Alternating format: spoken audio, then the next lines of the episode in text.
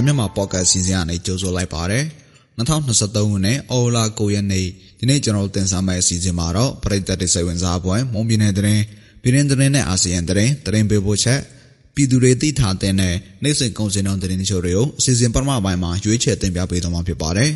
ဒါအပြင်ဘီလီယံမှာရေကြီးရေရှမ်းတာကြောင့် ပြည်သူ8000ကျော်ပြောင်းရွှေ့ထားရတဲ့ဆိုတဲ့သတင်းပေးပို့ချက်ကိုလည်းတင်ဆက်ပေးပါဦးမယ်။ဘာပါဒီနေ့အစီအစဉ်မူကတော့ကျွန်တော်အကာတာဝန်ယူတော့မှာဖြစ်ပြီးကျွန်တော်နဲ့အတူနွန်တယ်ကသတင်းတွေကိုကူညီတင်ဆက်ပေးတော့မှာပါ။နားဆင်နေကြတဲ့ပရိသတ်အားလုံးကိုမင်္ဂလာပါလို့နှုတ်ခွန်းဆက်သပါရစေ။ကျွန်မနွန်တယ်ကသတင်းတွေကိုကူညီဖတ်ကြားပေးသွားမှာဖြစ်ပါတယ်။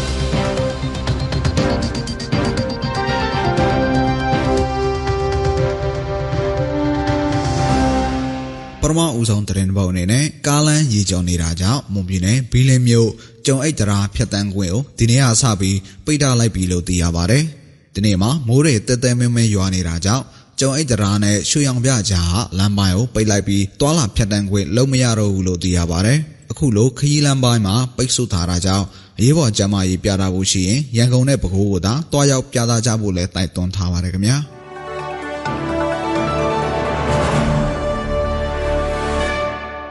နောက်ထပ်သတင်းသဘောအနေနဲ့မိုးသွင်းကာလမှာအုံခုခြေတုပ်ခုံလုပ်ငန်းအတွက်အုံဆန်ကျူကုန်ကျန်းရရှိဖို့ခက်ခဲလာတဲ့အတွက်အုံခုခြေတုပ်လုပ်ငန်းလုပ်ကိုင်သူတွေအခက်အခဲကြုံတွေ့နေကြရတယ်လို့အုံခုခြေတုပ်ခုံလုပ်ငန်းလုပ်ကိုင်နေသူတွေကဆိုပါတယ်။ အုံးဆန်ကျိုးပြုလုပ်ရောင်းချသူမရှိတဲ့အတွက်အုံးခုချေတုပ်ခုံလုပ်ဖို့အုံးဆန်ကျိုးကုန်ကျန်းပြက်လက်မှုနဲ့ရင်ဆိုင်နေရတယ်လို့ချောင်းဆောင်ကအုံးခုချေတုပ်လုပ်ငန်းလုပ်ကင်သူနိုင်အောင်စိုးနိုင်ကပြောပါတယ်။အုံးဆန်ကျိုးလုပ်သူနဲ့ပါလာတဲ့ပြင်အုံးဆန်ကျိုးကိုစေးကြည့်ပေးဝယ်နေရပြီးအချိန်ကြကြမှုကြောင့်လဲအယောင်းဝယ်ထိခိုက်လာတယ်လို့ဆိုပါတယ်။ လက်ရှိမှာတော့အုံခုခြေတုပ်ခုံလုပ်ငန်းလုပ်ကိုင်သူတွေဟာအရင်ကဝယ်ယူစုဆောင်းထားတဲ့ကုန်ကျန်းတွေနဲ့ပဲလုပ်ငန်းဆက်လက်လုပ်ကိုင်နေကြရပြီးစုဆောင်းထားတဲ့ကုန်ကျန်းကုန်သွားမယ်ဆိုရင်လုပ်ငန်းကိတ္တခဏရပ်နာထားရတော့မှာဖြစ်ပါတယ်ရှင်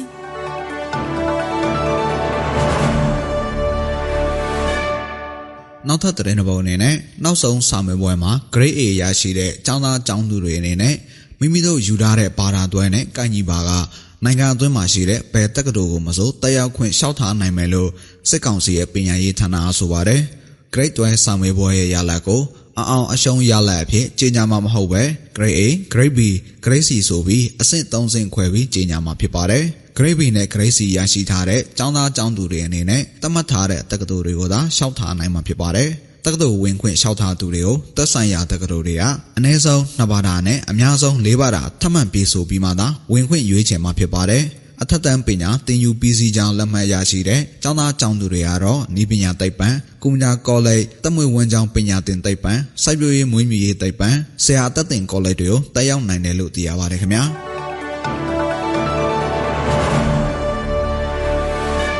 နောက်ထပ်သတင်းသဘောအနေနဲ့ ကော့ကရိတ်မြို့ဒီအာရှလမ်းပျက်စီးသွားတာကြောင့်ကုန်စည်စင်းမှုတွေရပ်တန့်သွားပြီးပြည်တွင်းပြည်ပပို့ကုန်တွေဈေးသက်သွားတယ်လို့နယ်ဆက်အခြေဆိုင်ကုန်သည်တွေကပြောပါတယ်။တနေ့ကနေ့လယ်တနာရီလောက်ကကရင်ပြည်နယ်ကော့ကရိတ်မြို့နယ်ကော့ကရိတ်မြို့ဒီအာရှလမ်းမကြီးပေါ်ကတော်တော်ရေတကွန်အနီးမှာမောအဆက်မပြတ်ရွာသွန်းခဲ့ပြီးတောင်ကြားရေကြောင့်လမ်းကျဲပေတရာကျော်မြေနက်ဆဲပေအထိမြေတိုက်စားပြီးရေနွေဖြစ်တန်းသွားလာလို့မရအောင်ပျက်စီးခဲ့ပါတယ်။လမ်းပျက်စီးခဲ့တဲ့အတွက်မြန်မာထိုင်းနယ်ဆက်ကုန်သွယ်ရေးလမ်းပိုင်းမှာကုန်စည်စီးဆင်းမှုတွေပြတ်တောက်ခဲ့ရပြီးပြည်တွင်းပြည်ပပို့ကုန်တွေစင်းနှုံတွေမြင့်တက်ခဲ့တဲ့အပြင်ပြည်တွင်းပို့ကုန်တွေရပ်နားလိုက်ရပါတယ်။လမ်းပစ္စည်းပြီးတဲ့နောက်စက်သွန်နီနဲ့အခြားအခြေခံစားတောက်ကုန်တွေဟာကုန်ပစ္စည်းအလိုက်တရက်ပြီးတရက်ဈေးနှုန်းတွေမြင့်တက်နေတယ်လို့မဲဆောက်အခြေဆိုင်ကုန်တဲ့တူကပြောပါရယ်ကော့ကရိတ်မြို့ဒီအာရှလမ်းမကြီးဟာမဟာမေခေါင်ကုန်သွယ်ရေးလမ်းမကြီးဖြစ်တယ်လို့မြန်မာထိုင်းကုန်သွယ်မှုမှာအဓိကအရေးပါတဲ့လမ်းဖြစ်တဲ့အပြင်မြန်မာနိုင်ငံရဲ့ဒုတိယအရေးပါတဲ့ကုန်သွယ်ရေးလမ်းကြောင်းဖြစ်ပါတယ်ရှင်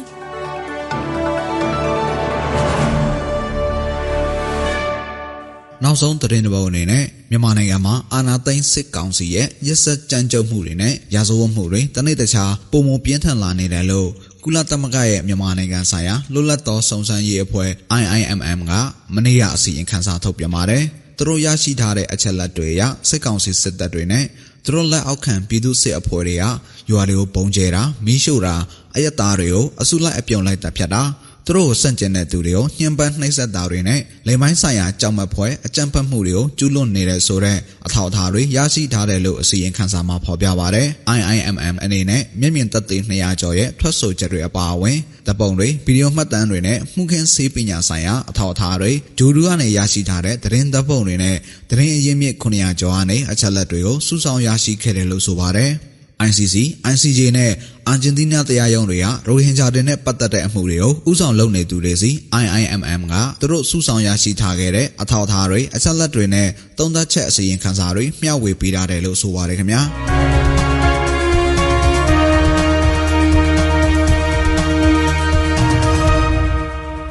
ဆက်လက် ပြီးပြည်သူတွေသိထားတဲ့နေ့စဉ်ကုန်စည်နှုန်းသတင်းအချို့တွေကိုမလမြိုင်ကုန်စည်တိုင်းကအချက်လက်တွေကိုအခြေခံပြီးကျမနွန်တဲ့ကတင်ဆက်ပေးပါအောင်မယ်။ဒီကနေ့ထိုင်းမှာငွေလဲနှုန်းကတော့ထိုင်းဘတ်69.5ဝယ်ဈေးရှိပြီးတော့ရောင်းဈေးက98.5ရှိနေပါတယ်။ဒေါ်လာဈေးကတော့အမေရိကန်ဒေါ်လာကိုဝယ်ဈေးမြန်မာငွေ3380ကျပ်ရှိပြီးရောင်းဈေးကတော့3420ကျပ်ရှိနေပါတယ်။ ရွှေစင်းတော်က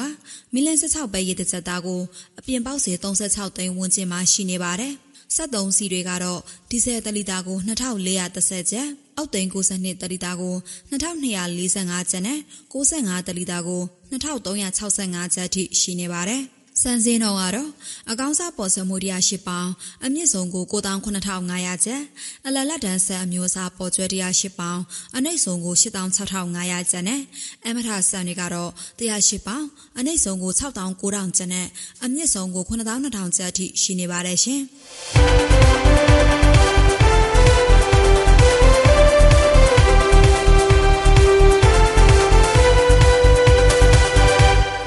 ခုတင်ဆက်ပေးသွားခဲ့တာကဩဂုတ်လ9ရက်နေ့မှာဖြစ်ပျက်ခဲ့တဲ့မွန်ပြည်နယ်သတင်းပြည်တွင်းသတင်းနဲ့အာဆီယံသတင်းတွေအပြင်တနေ့တာစီးစိမ်ငွေစင်နဲ့ကုန်စည်နှုန်းတွေကိုတင်ဆက်ပေးသွားခဲ့တာဖြစ်ပါတယ်။ဆက်လက်ပြီးတော့ဘီလင်းမှာရေကြီးရေရှင်နေတာကြောင့်ပြည်သူ8000ကျော်ပြောင်းရွှေ့ထားရတဲ့ဆိုတဲ့သတင်းပေးပို့ချက်ကိုနဒီယာတင်ဆက်ပေးပါဦးမယ်။ မွန်ပြည်နယ်ဘီလင်းမြို့နယ်အတွင်းရေကြီးရေရှမ်းမှုကြောင့်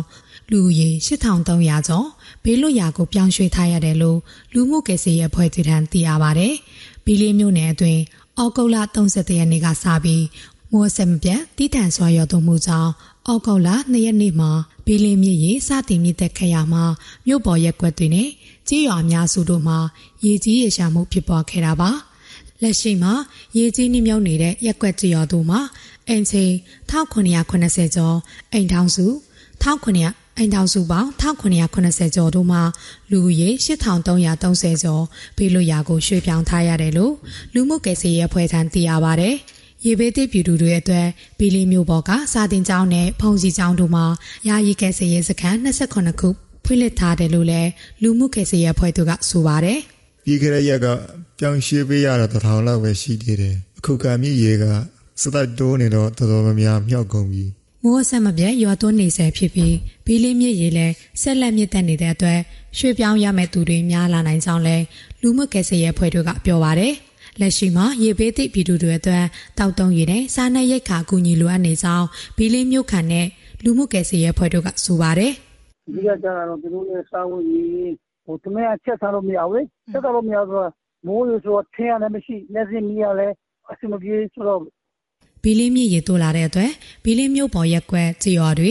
ရေကြီးနှိမ့်မြုပ်နေတဲ့အပြင်ဘီလင်းမြို့နယ်ရန်ကုန်မော်လမြိုင်ကားလမ်းပိုင်းမှာရေစောနေပြီးရေစီးတန်နေတဲ့အတွက်ကြောင့်ကားများဖြတ်တန်းတွယ်လာခွင့်ကိုယာယီပိတ်ထားရပါတယ်။ဒီနေ့အောက်ကကိုရနေမနေ့ပိုင်းမှာရေကပိုပြီးတက်လာတယ်။ရေစီးလည်းပိုတန်းလာတယ်။အဲ့ဒီတော့ဘီလင်းမြို့ဘက်နဲ့တထောင်ဘက်ကတက်လာရင်မဆိုးတတာထိုက်နေရကနေမော်တော်ယာဉ်တွေဖြတ်တန်းခွင့်ပိတ်ထားတယ်။ဘီလင်းမြို့မြစ်ရေဟာအောက်ကောလာပထမပတ်တွင်မှာ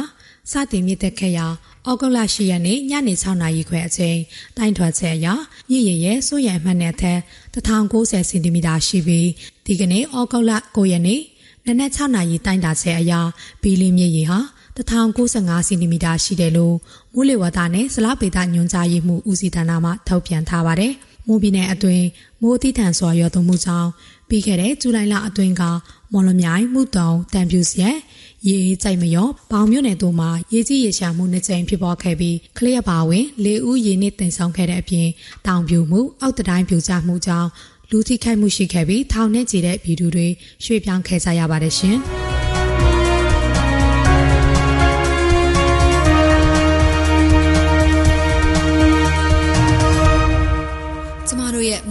ပေါ့ကတ်အစီအစဉ်ဒီမှာတင်ပြီးဆုံးပါပြီ။နားဆင်နေကြတဲ့ပရိသတ်အားလုံးကိုနောက်နေ့အစီအစဉ်တွေမှာဆက်လက်အားပေးကြပါအောင်လို့ဖိတ်ခေါ်ရင်းအစီအစဉ်ကိုဒီမှာပဲအဆုံးသတ်ပါရစေ။အားလုံးကိုကျေးဇူးတင်ပါတယ်ရှင်။